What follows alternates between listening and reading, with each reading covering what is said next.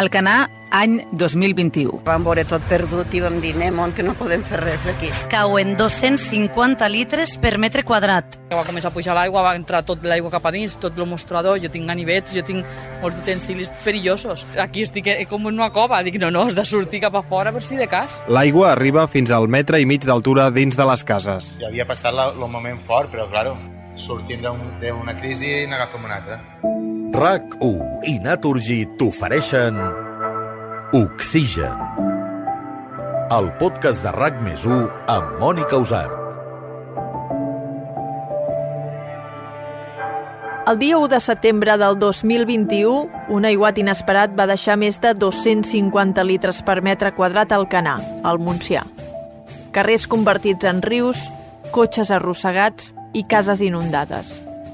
Molts danys materials, però per sort, cap víctima mortal. Què va passar? Per què els models meteorològics no ho van pronosticar? Per què les dones i els homes del temps no ho van veure venir? En aquest episodi, els aiguats del Canà. Era dimecres i començava el setembre. El dia pintava insegur i amb risc d'alguns xàfecs. Però ni de bon tros la previsió apuntava un aiguat com el que va descarregar a les Terres de l'Ebre. Els pronòstics marcaven ruixats cap al Pla de Lleida i les comarques de Tarragona, però amb una intensitat gens alarmant. Per aquesta raó, aquell matí a les previsions no alertàvem a ningú. Vinga, va, peu terra, que és dimecres. Per fi és dimecres 1 de setembre del 2021. Avui serà un dia de cel enterbolit o mig ennuvolat, amb algun ruixat durant el matí, sobretot a les comarques de Tarragona i també del Pla de Lleida. Alguna gota... A la Hores abans de la catàstrofe, ningú sospitava res. Ni els professionals del temps, ni Protecció Civil, ni les autoritats, ni els ajuntaments. Segons Santi Segalà, cap de predicció del Servei Meteorològic de Catalunya, hi havia avisos de pluja, però eren mínims. El dia 31 d'agost, el Servei Meteorològic de Catalunya ja va emetre un avís de situació meteorològica de perill de grau 1 sobre 6, és a dir, el grau mínim, que afectava gairebé totes les comarques del sud. Montsià, Baix Ebre, Terra Alta, Ribera d'Ebre, el Priorat i el Baix Camp. O sigui, veiem que hi hauria una possibilitat molt baixa que aquell matí hi hagués la superació del llindar d'intensitat de pluja, que és de més de 20 mil·límetres en 30 minuts, que es va superar eh, amb escreix. Eh? I recordo que aquest avís va ser del grau 1 sobre 6, mirat a posteriori que hagués sigut el desitjable per l'episodi que hi va haver, un episodi extrem, doncs un grau 6 de 6, el màxim grau, amb color vermell, i si hagués pogut ser doncs, la comarca del Montsià, i si hagués pogut ser, doncs, fins i tot precisar encara més amb l'hora i, i el lloc. No? Això seria el desitjable. Aquest no era el primer dia que es llançaven avisos de pluja. Feia dies i dies que arrossegàvem un temps inestable, amb molta xafogó, amb molta humitat a l'ambient, un ingredient bàsic per la formació de xàfecs. I a més a més, en alguns casos teníem l'entrada d'una bossa d'aire fred a les capes altes de l'atmosfera, que afavoria que els núvols creixessin encara amb més força. Aquest va ser el cas del Canà. Oxigen. Amb Mònica Usart. A quarts d'onze del matí va començar a ploure. A simple vista, si miraves el radar, que és l'eina que fem servir per veure on està plovent i com es mou aquesta pluja, res feia predir el desastre.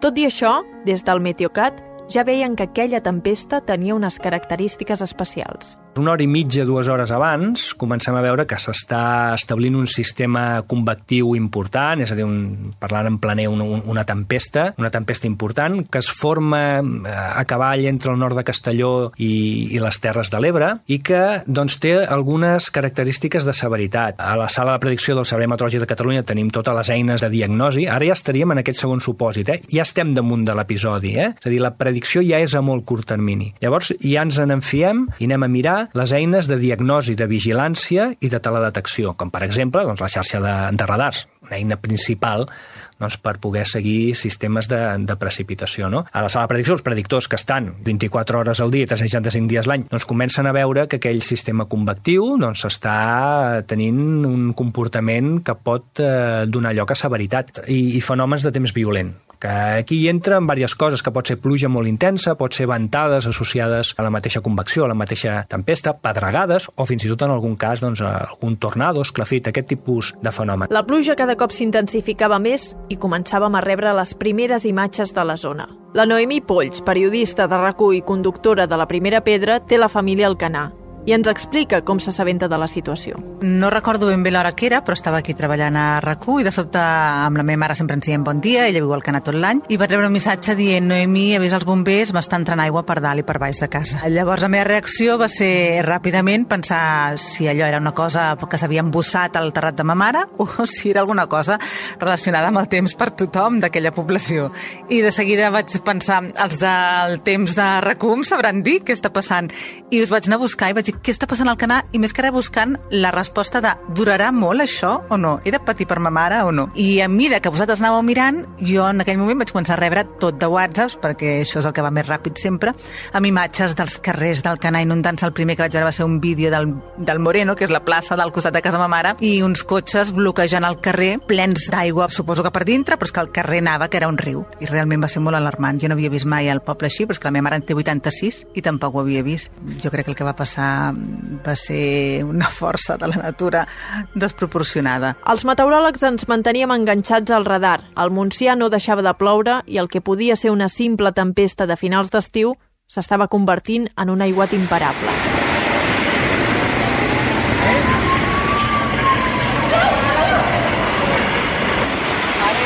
Els avisos del Servei Meteorològic de Catalunya per intensitat màxima de pluja es queden a 40 litres per metre quadrat en 30 minuts.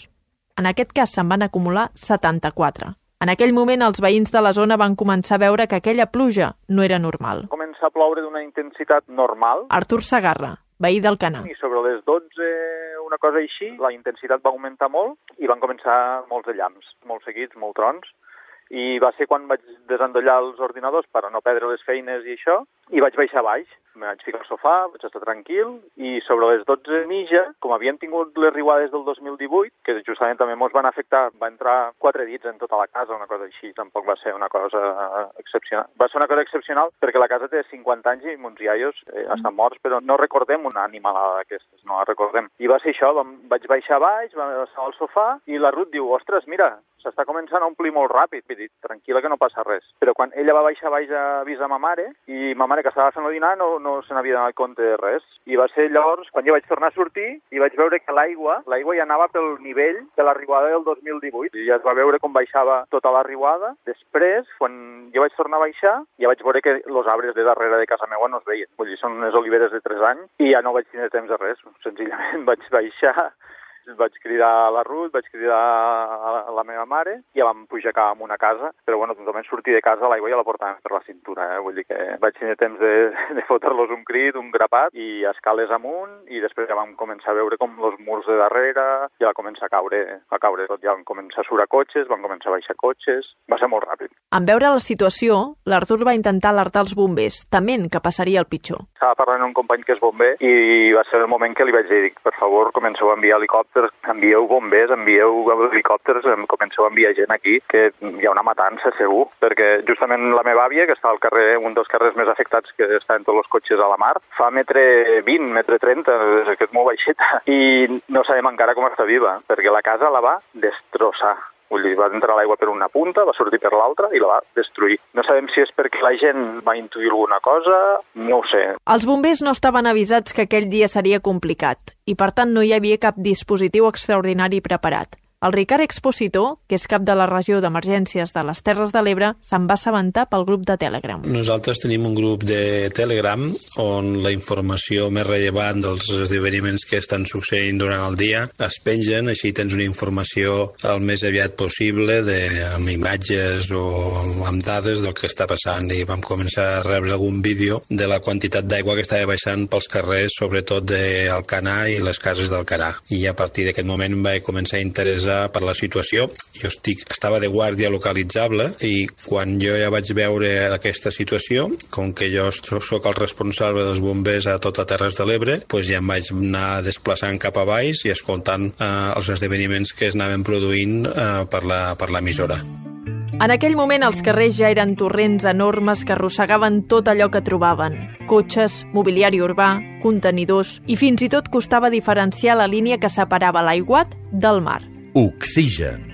Els bombers van establir el centre de comandament al Parc de Bombers d'Amposta, perquè era un punt que quedava al marge de les inundacions. Estava prou a prop de la zona afectada, era segur I a més a més hi podia arribar bé la informació i els missatges d'auxili. El Ricard ens explica què es van trobar quan van arribar a la zona zero. Recordo situacions de vehicles amb les persones al seu interior, també persones, una persona gran al, al canà que se l'enduia la corrent de l'aigua baixant pel carrer, al càmping dels Alfacs a, a tocar de Sant Carles de la Ràpita, tot i que és municipi del Canà, també va situacions que l'aigua corria per dintre del càmping i s'enduia a algunes persones i se van localitzar quasi a tocar de la platja. Pues aquests són els, els serveis que es van trobar els companys en quan van arribar a aquesta zona. En paral·lel, el que es fa és s'activar altres recursos complementaris, com per exemple són els helicòpters de rescat que et permeten arribar a llocs molt més ràpids perquè a vegades inclús els vehicles nostres eh, es veuen impedits de circular per les vies habituals perquè estan col·lapsades per l'aigua i posaríem en risc a l'equip de rescat anant per terra i el que es fa és es mobilitza el personal per aire. Mentre la gent d'allà feia el que podia per protegir-se, la resta anàvem rebent imatges que posaven els pèls de punta. En aquell moment, la Noemi Polls intentava parlar amb la seva mare, però no ho aconseguia. Se suposava que estava plovent fort, però que, com totes les pluges fortes, anirien passant. Però com me n'adono que la pluja no passa i que cada vegada hi ha més aigua i més aigua i més aigua, més vídeos, més imatges i més tot, és quan les línies telefòniques es bloquegen, suposo, per accés de trucades, o no sé si és que devia caure algun cable o alguna cosa, i ja no puc parlar amb ella fins molt més tard. Llavors aquests moments sí que són una mica desesperants, perquè no saps la dimensió de la tragèdia i si deixes portar per les imatges que veus, creus que miraculosament no es va haver de lamentar cap mal major de vides, però és que quan veies les imatges pensaves que les notícies serien molt pitjors després i que el balanç seria molt pitjor. Els serveis informatius dels mitjans de comunicació intentaven arribar fins a la zona per explicar què estava passant, però no era fàcil.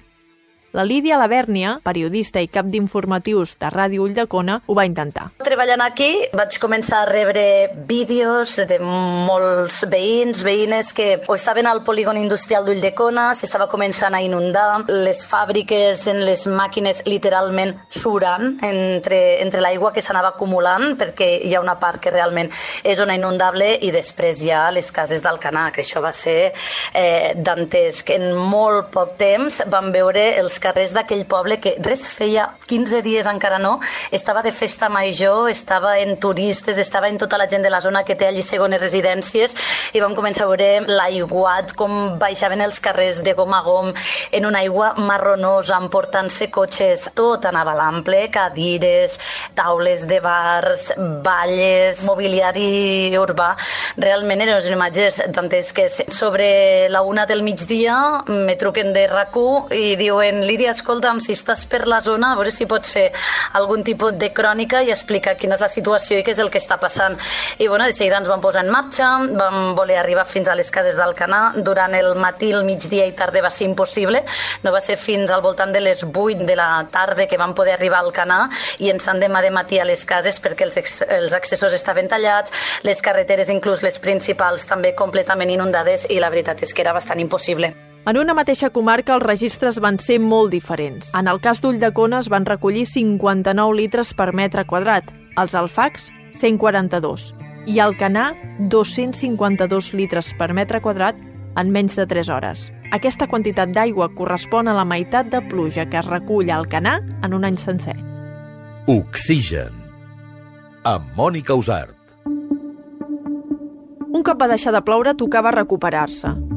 Però com ens explica l'Artur Sagarra, l'aiguat va deixar ressaca per dies. El nivell de l'aigua, que és la, la part de darrere es va quedar tot durant dos dies inundat, però va baixar bastant ràpid. Ja et dic, nosaltres vam perdre tres vehicles i vam perdre tot que és la, tota la casa, tota la vivenda de baix, que és on estan els meus pares, ho, ho vam perdre tot. tot. Vull dir, no, no va deixar res perquè l'aigua va passar per dalt del nivell de, del pit, més o menys, una cosa així. Se va perdre tot.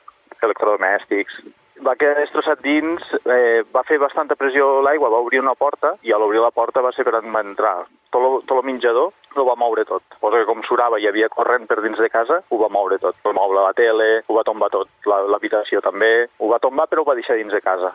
La resposta va ser ràpida i de seguida va arribar un munt de gent per ajudar els afectats. Quan arribo vaig veure tot el poble ple de màquines, de, de bombers, molta gent, voluntaris treballant, això va ser molt maco, perquè és que van a gent de tot arreu. Evidentment, dels pobles del costat, els més ràpids, eh, d'Ullacona, que estava Pepe Timarieta, el cantant de Pepe Timarieta allà ajudant, vull dir, molta, molta gent de, dels pobles de prop, però també de, de tota Catalunya.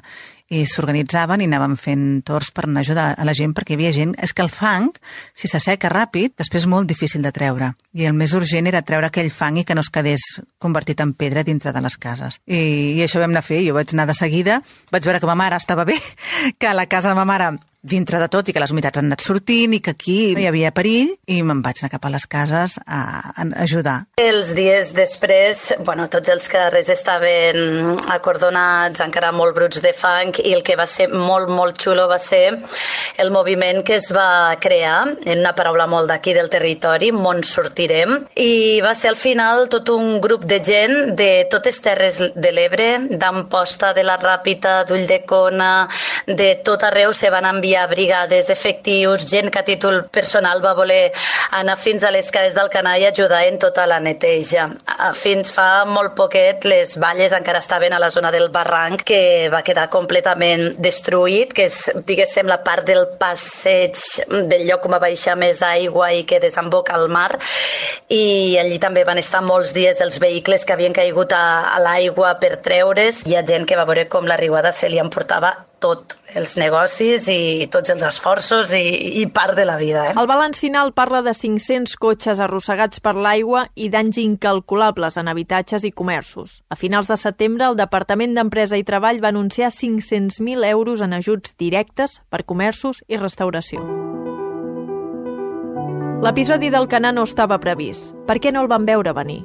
El Santi Segalà ens ajuda a aclarir per què els mapes del temps no ens van avisar d'aquesta tempesta. Hi ha una predicció meteorològica a hores o dies vista, la predicció meteorològica tradicional, amb la qual les eines de treball són els models meteorològics, i avui en dia encara no existeixen eines per poder dir en 24 hores d'antelació atenció, que demà, entre les 11 i la 1 del migdia, cauran més de 200 litres al Canà. Això avui en dia no és possible amb les eines que existeixen, no, és, no les que tenim, sinó les que existeixen tant de bo ho poguéssim dir, tant de bo algun dia hi puguem arribar perquè doncs, salvaríem vides, més vides que les que salvem ara, i salvaríem béns materials. Per tant, era impossible predir una situació com aquesta.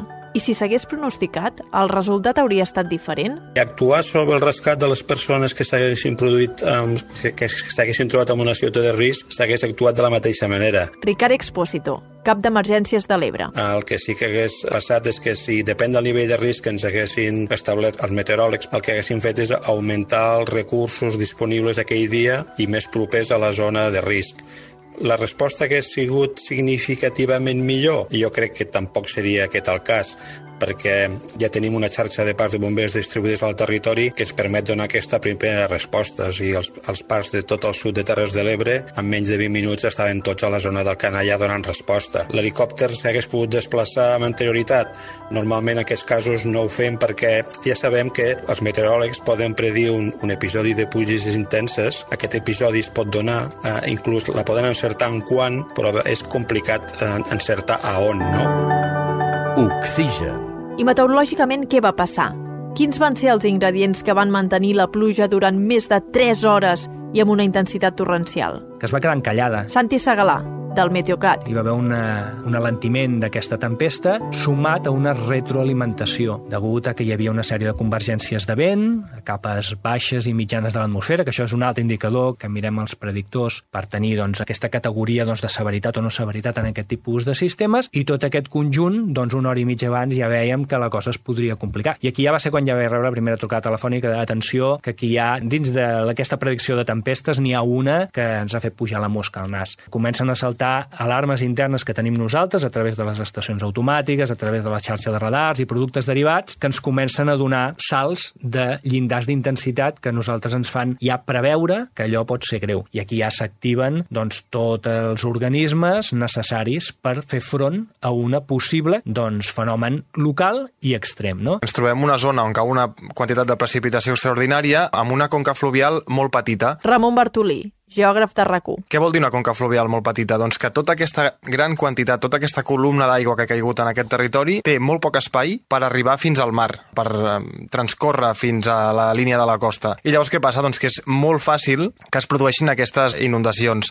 És un tema molt semblant, per exemple, com el que tenim a la ciutat de Barcelona o al Maresme, on les muntanyes del litoral es troben molt a prop de la línia costanera. Amb una diferència, la diferència és que, clar, Barcelona té una xarxa de clavegaram molt potent i allà al Canà, doncs, aquests barrancs es poden passar dècades sense que hi baixi aigua.